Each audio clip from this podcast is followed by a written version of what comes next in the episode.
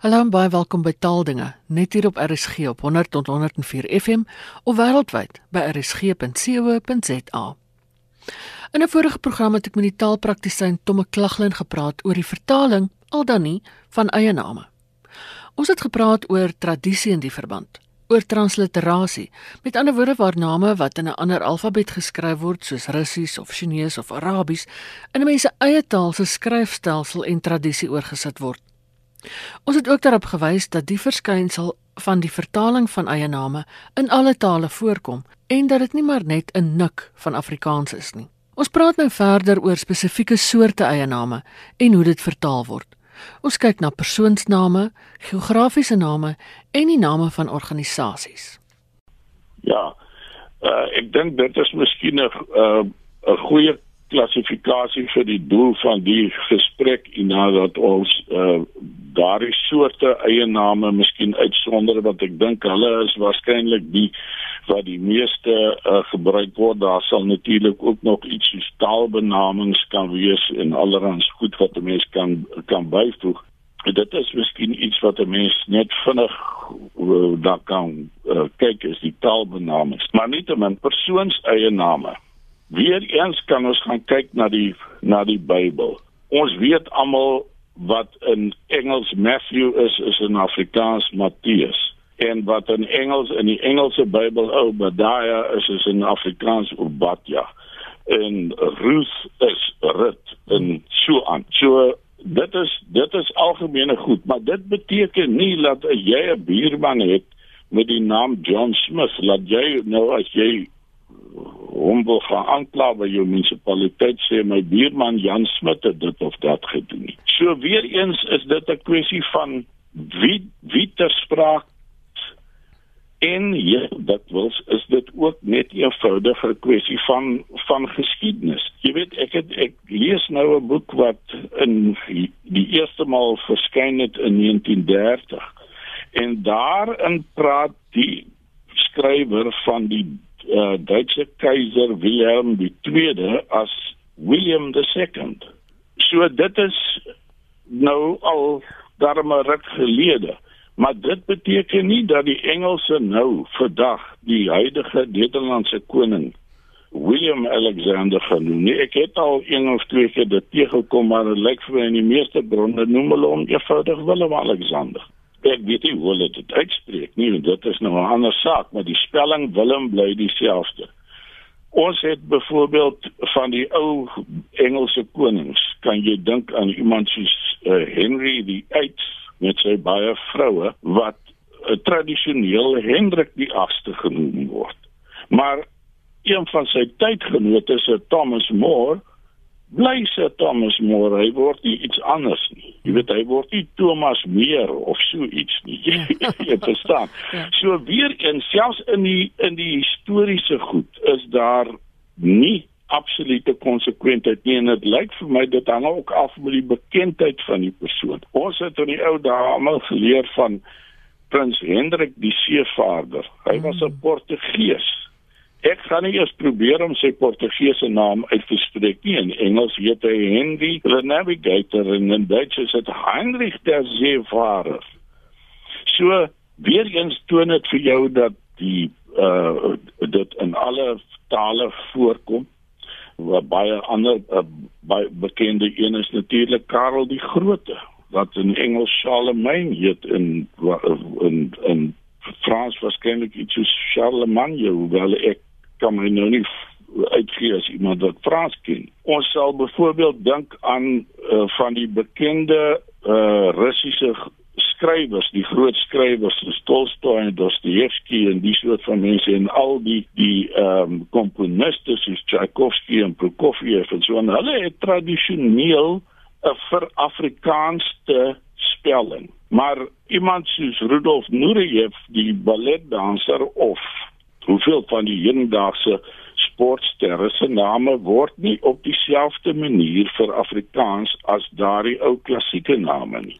Ehm um, ek dink 'n ander uh, interessante geval is natuurlik eh uh, die van die pouse wat jy vlugtig genoem het net nou en ek weet nie hoekom die wat die rede is nie ek sou vermoed dit is omdat eh uh, die Rooms-Katolieke Kerk in seker omtrent in elke denkbare land en elke denkbare taal lidmate het. Maar die paus se name word tradisioneel uh altyd in in 'n bepaalde taal omgesit. Jy sal byvoorbeeld uh die die uh, Paus Johannes Paulus tweede, hy was uh, Giovanni Paolo, is sy Italiaanse naam, hy is John Paul in Engels en in Afrikaans was hy Johannes Paulus. Die huidige paus is Franciscus uh terwyl hy in Engels Francis is en die vorige een was Benedictus in Afrikaans en Benedict in in, in Engels. Hmm. So daar is 'n baie ou gevestigde en 'n lang tradisie selfs tot vandag toe dat die name wat die pause aanneem as hulle amptelike name word wel kom ons sê net maar vertaal aangepas by jou eie taal. En in die verband ge, uh, volg ons die Nederlandse voorbeeld na as ek dit nie mis het nie. Wel kyk baie betref.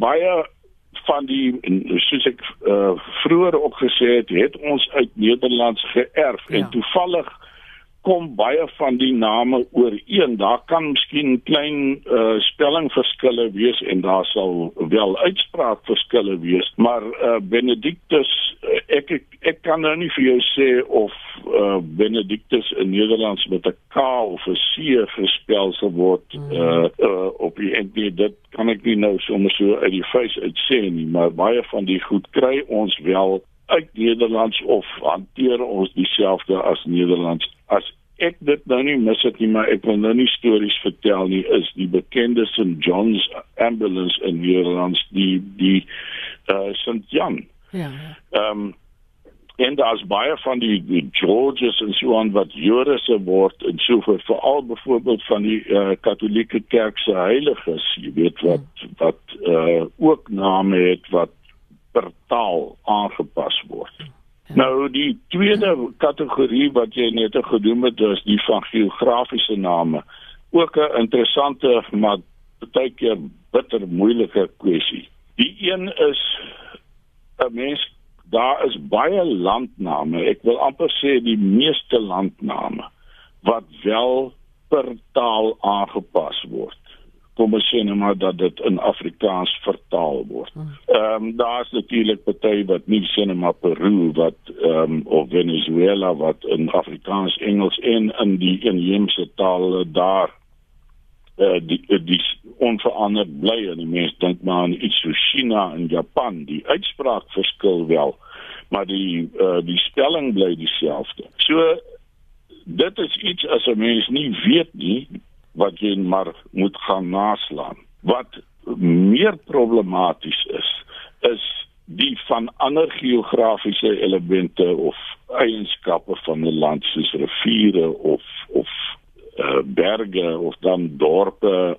kleiner kleiner sentrums. Dit is bitter moeilik baie keer om om te bepaal. Ehm um, jy weet in België byvoorbeeld ehm um, die van daardie riviere wat Franse of dorpe, stede wat Franse en Nederlandse name het. Dit is dit is algemeen. Dit, ja. dit dit kom voor. En hier dink ek weer eens mens sal moet eenvoudig moet gaan naslaan as jy nie weet dat uh die die stad Luik uh 'n ander naam in in, in die Franssprekende deel van België het nie of in ander Franssprekende uh, lande het nie dan, dan gaan jy jou vasloop.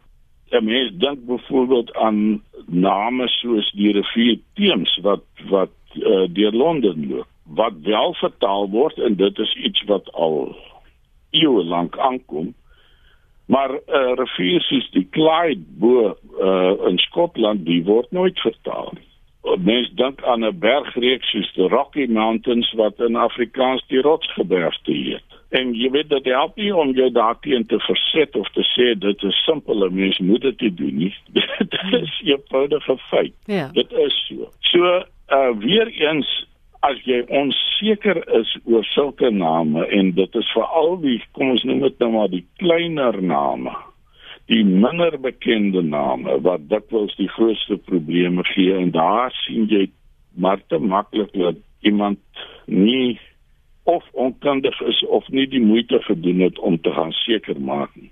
Ek dink die derde kategorie wat jy genoem het was uh iets van organisasies. Mense ja. weer eens ons is in Suid-Afrika eintlik baie gewoond daaraan dat goed twee minstens twee name het in die ou dae was dit nou altyd Afrikaans en Engels toe dit die twee amptelike tale was. Daarom sal jy byvoorbeeld nou uh, gehad het die Supreme Court wat die Hooggeregshof was en nou weer is. Hmm. Al al die Engelse naam nou wel verander. Maar as jy byvoorbeeld van die Supreme Court van die van die Verenigde State praat, dan is dit nie net hulle Hooggeregshof nie, dis hulle federale appelhof. So jy moet jy het eintlik 'n heeltemal 'n omskrywing nodig om om te sê wat Supreme Court in in in die FSA beteken, jy weet. En is daar geen vaste patroon nie. Ons sal byvoorbeeld 'n uh, 'n organisasie van die uh, Verenigde Nasies wat ons normaalweg UNESCO noem, het 'n Engelse naam, maar UNESCO se Afrikaanse naam is in Afrikaans. Ons hou nie die United Nations Economic and Social something wat ek het nou vergeet waar waarvoor UNESCO alles staan. Ja. Uh jy weet hy ons het 'n eenvoudige Afrikaanse naam daarvoor en dieselfde vir iets soos die KGB in die ou dae. Ek gaan nie eens probeer om daai uh, vreeslike Russiese naam uit te spreek nie, selfs al is hy getranslitereer na die na uh, die Romeinse alfabet toe. Ehm um, daar's baie ander organisasies soos die wêreld gesondheidsorganisasie of die wêreldhandelsorganisasie. Daar's die internasionale strafhof wat deesdae uh, so in die nuus is omdat Suid-Afrika wil uittreë uit die uh, uh, internasionale ooreenkoms daaroor. Maar terselfdertyd het ons die African National Congress wat nooit vertaal word nie. Hy word nie iets soos die Afrikaanse Nasionale Kongres of die Afrika Nasionale Kongres nie. So weer eens is dit maar 'n 'n bitter moeilike ding om te bepaal. 'n Mens sal maar weer eens moet gaan naslaan en uh jy weet die internet is deesdae vreeslik 'n uh, nuttige bron. Mens kan regtig waar baie maklik 'n uh, hele klomp name maklik genoeg opspoor met behulp van soek engines en so aan op die internet. Maar baie mense vergeet dat ons ou tweetalige woordeboek, uh onder andere die die die Faros uh Afrikaans Engels Engels Afrikaanse woordeboek, 'n massiewe klomp sulke name het waar hulle wel vir jou of die Afrikaans of die Engels gee as jy nou die Engelse naam het want kyk dit is nou maar so dat ons baie van ons inligting via Engels kry. En as jy nou in Engels gaan soek na 'n naam soos uh, sê net maar uh, van die Europese stede een wat vir my natuurlik een van die wonderlikste goedes is wat ons in uh, Afrikaans Livorno noem en in in uh, Italiaans ook wat in Engels dikwels Legon is. Ja. Maar dit is die soort goed wat 'n mens in 'n tweetalige woordeboek kry, jy mm. weet, en as dan op die internet iets soos soos Wikipedia is byvoorbeeld baie nuttig om die soort van goed te kry. Dit met ander woorde, soek dit tog net op. Jong, weet jy, ek wil nou vir jou ek wil vir jou sê, Ina, ek dink iemand wat naam gebruik wat vertaal moet word en hy dit nie vertaal nie. Ek ek dink nou maar aan 'n uh, uh, daar was onlangs 'n baie goeie fliek byvoorbeeld uh, van Obas Churchill. Hmm wat waar die hele kwessie van die ontruiming van die Engelse uh, troepe van Duinkerken af ter sprake gekom het. Nou as iemand so iets skryf en hy skryf van Dunkirk, dan maak hy homself eintlik bespotlik aan die ander kant as hy nou iets so cinema Southampton kry waaroor ons nou praat het nee maak dit uh Southampton of wat in geval ook al mag wees dan maak hy hom ewenigs belaglik en daarom is daar vir my en kyk ek is nou al 40 jaar in hierdie beroep ek kan dit bevestig daar's net een ding en dit is gaan slaan na ja. gaan soek en gaan soek en gaan soek maar moenie sommer net aanneem dat jy weet wat aangaan. of dat dit as op sy nou maar op CNN op 'n manier is, dit is die laaste antwoord. Ja, jy weet uh kyk, soos ek net nou gesê het, ons kry wel baie van ons uh inligting via Engels omdat dit waarskynlik die taal is wat benewens jou moedertaal vir die meeste Suid-Afrikaners toeganklik is. Ja. Nou uh julle by die SAIK sal waarskynlik baie van julle nuus uh berigte en goed in Engels kry. En dit is so. Maar dit wil nie sê dat Engels in alle opsigte die enigste norm is nie. Daar is ook ander tale en daar is ander norme. Ja. En dit dink ek is 'n belangrike ding. 'n Mens moenie aanneem omdat dit in Engels sus is, gaan dit in Nederlands en Duits en Afrikaans en Frans en Portugees en al die goed ook so wees. En dit dink ek is veral in Suid-Afrika as dit ek kan nie vir die ander tale praat nie, maar wat Afrikaans en Engels betref, is dit die grootste gevaar vir ons dat ons eenvoudig aanneem Engels is die korrekte norm of die enigste norm. Jy weet ek kry dikwels by uh vergaderings en so aan uh, of op werkwinkels die die vraag hoe moet ek weet of daar 'n Afrikaanse naam is of hoe dit gespel moet word of geskryf moet word moet dit los of vasgeskryf word en 'n mens dink dikwels aan van die uh, stede voorstede. Ehm um, ek het altyd gedink aan iets soos in Pretoria was daar altyd Menlo Park wat tegnies eintlik net twee woorde was met twee hoofletters en Monument Park wat weer net Afrikaans was en as een woord geskryf sou word. Ja. Nou, die soort van goed kan 'n mens nie regtig voorspel nie. En die enigste manier waarop jy dit eintlik kan doen is om te gaan naslaan. En partykeer is 'n uh, as dit nou gaan oor dorpname en, en geografiese eienskappe soos riviere en so aan 'n goeie atlas is natuurlik 'n ding. Maar vir hierdie soort goed soos monumentpark of Menlo Park of een van is jou poskode boekie 'n baie nuttige bron. Want die ou plekname lys uh is nie meer maklik nie maar mense sou waarskynlik op die internet by die departement van kultuur kultuur op hulle webwerf plekname kan kry. Ja. maar slaan na en soek en moenie net eenvoudig aanneem.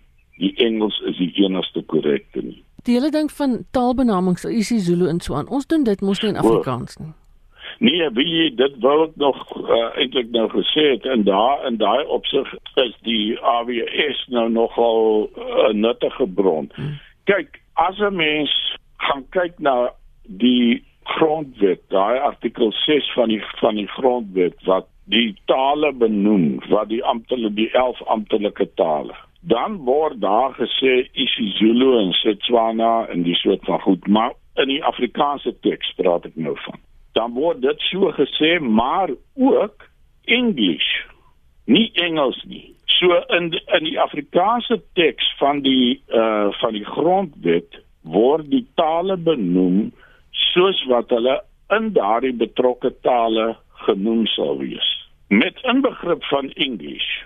So as jy wil aandring daarop dat 'n mens moet sê isiZulu en Setswana en Tsonga of wat ook al dan dan moet jy ook praat van Engels en in Espanol en Fransees en Duits en so aan. Jy kan nooit jy moenie dan iets praat so Spaans en Frans en Duits en Nederlands en dit is vir my altyd die maatstaf dat ek benoem tale volgens die Afrikaanse patroon nie volgens die Engelse patroon of die Duitse patroon of die Zulu patroon of wat die geval ook al mag wees nie Dit was die taalpraktisyn Tomme Klaglin.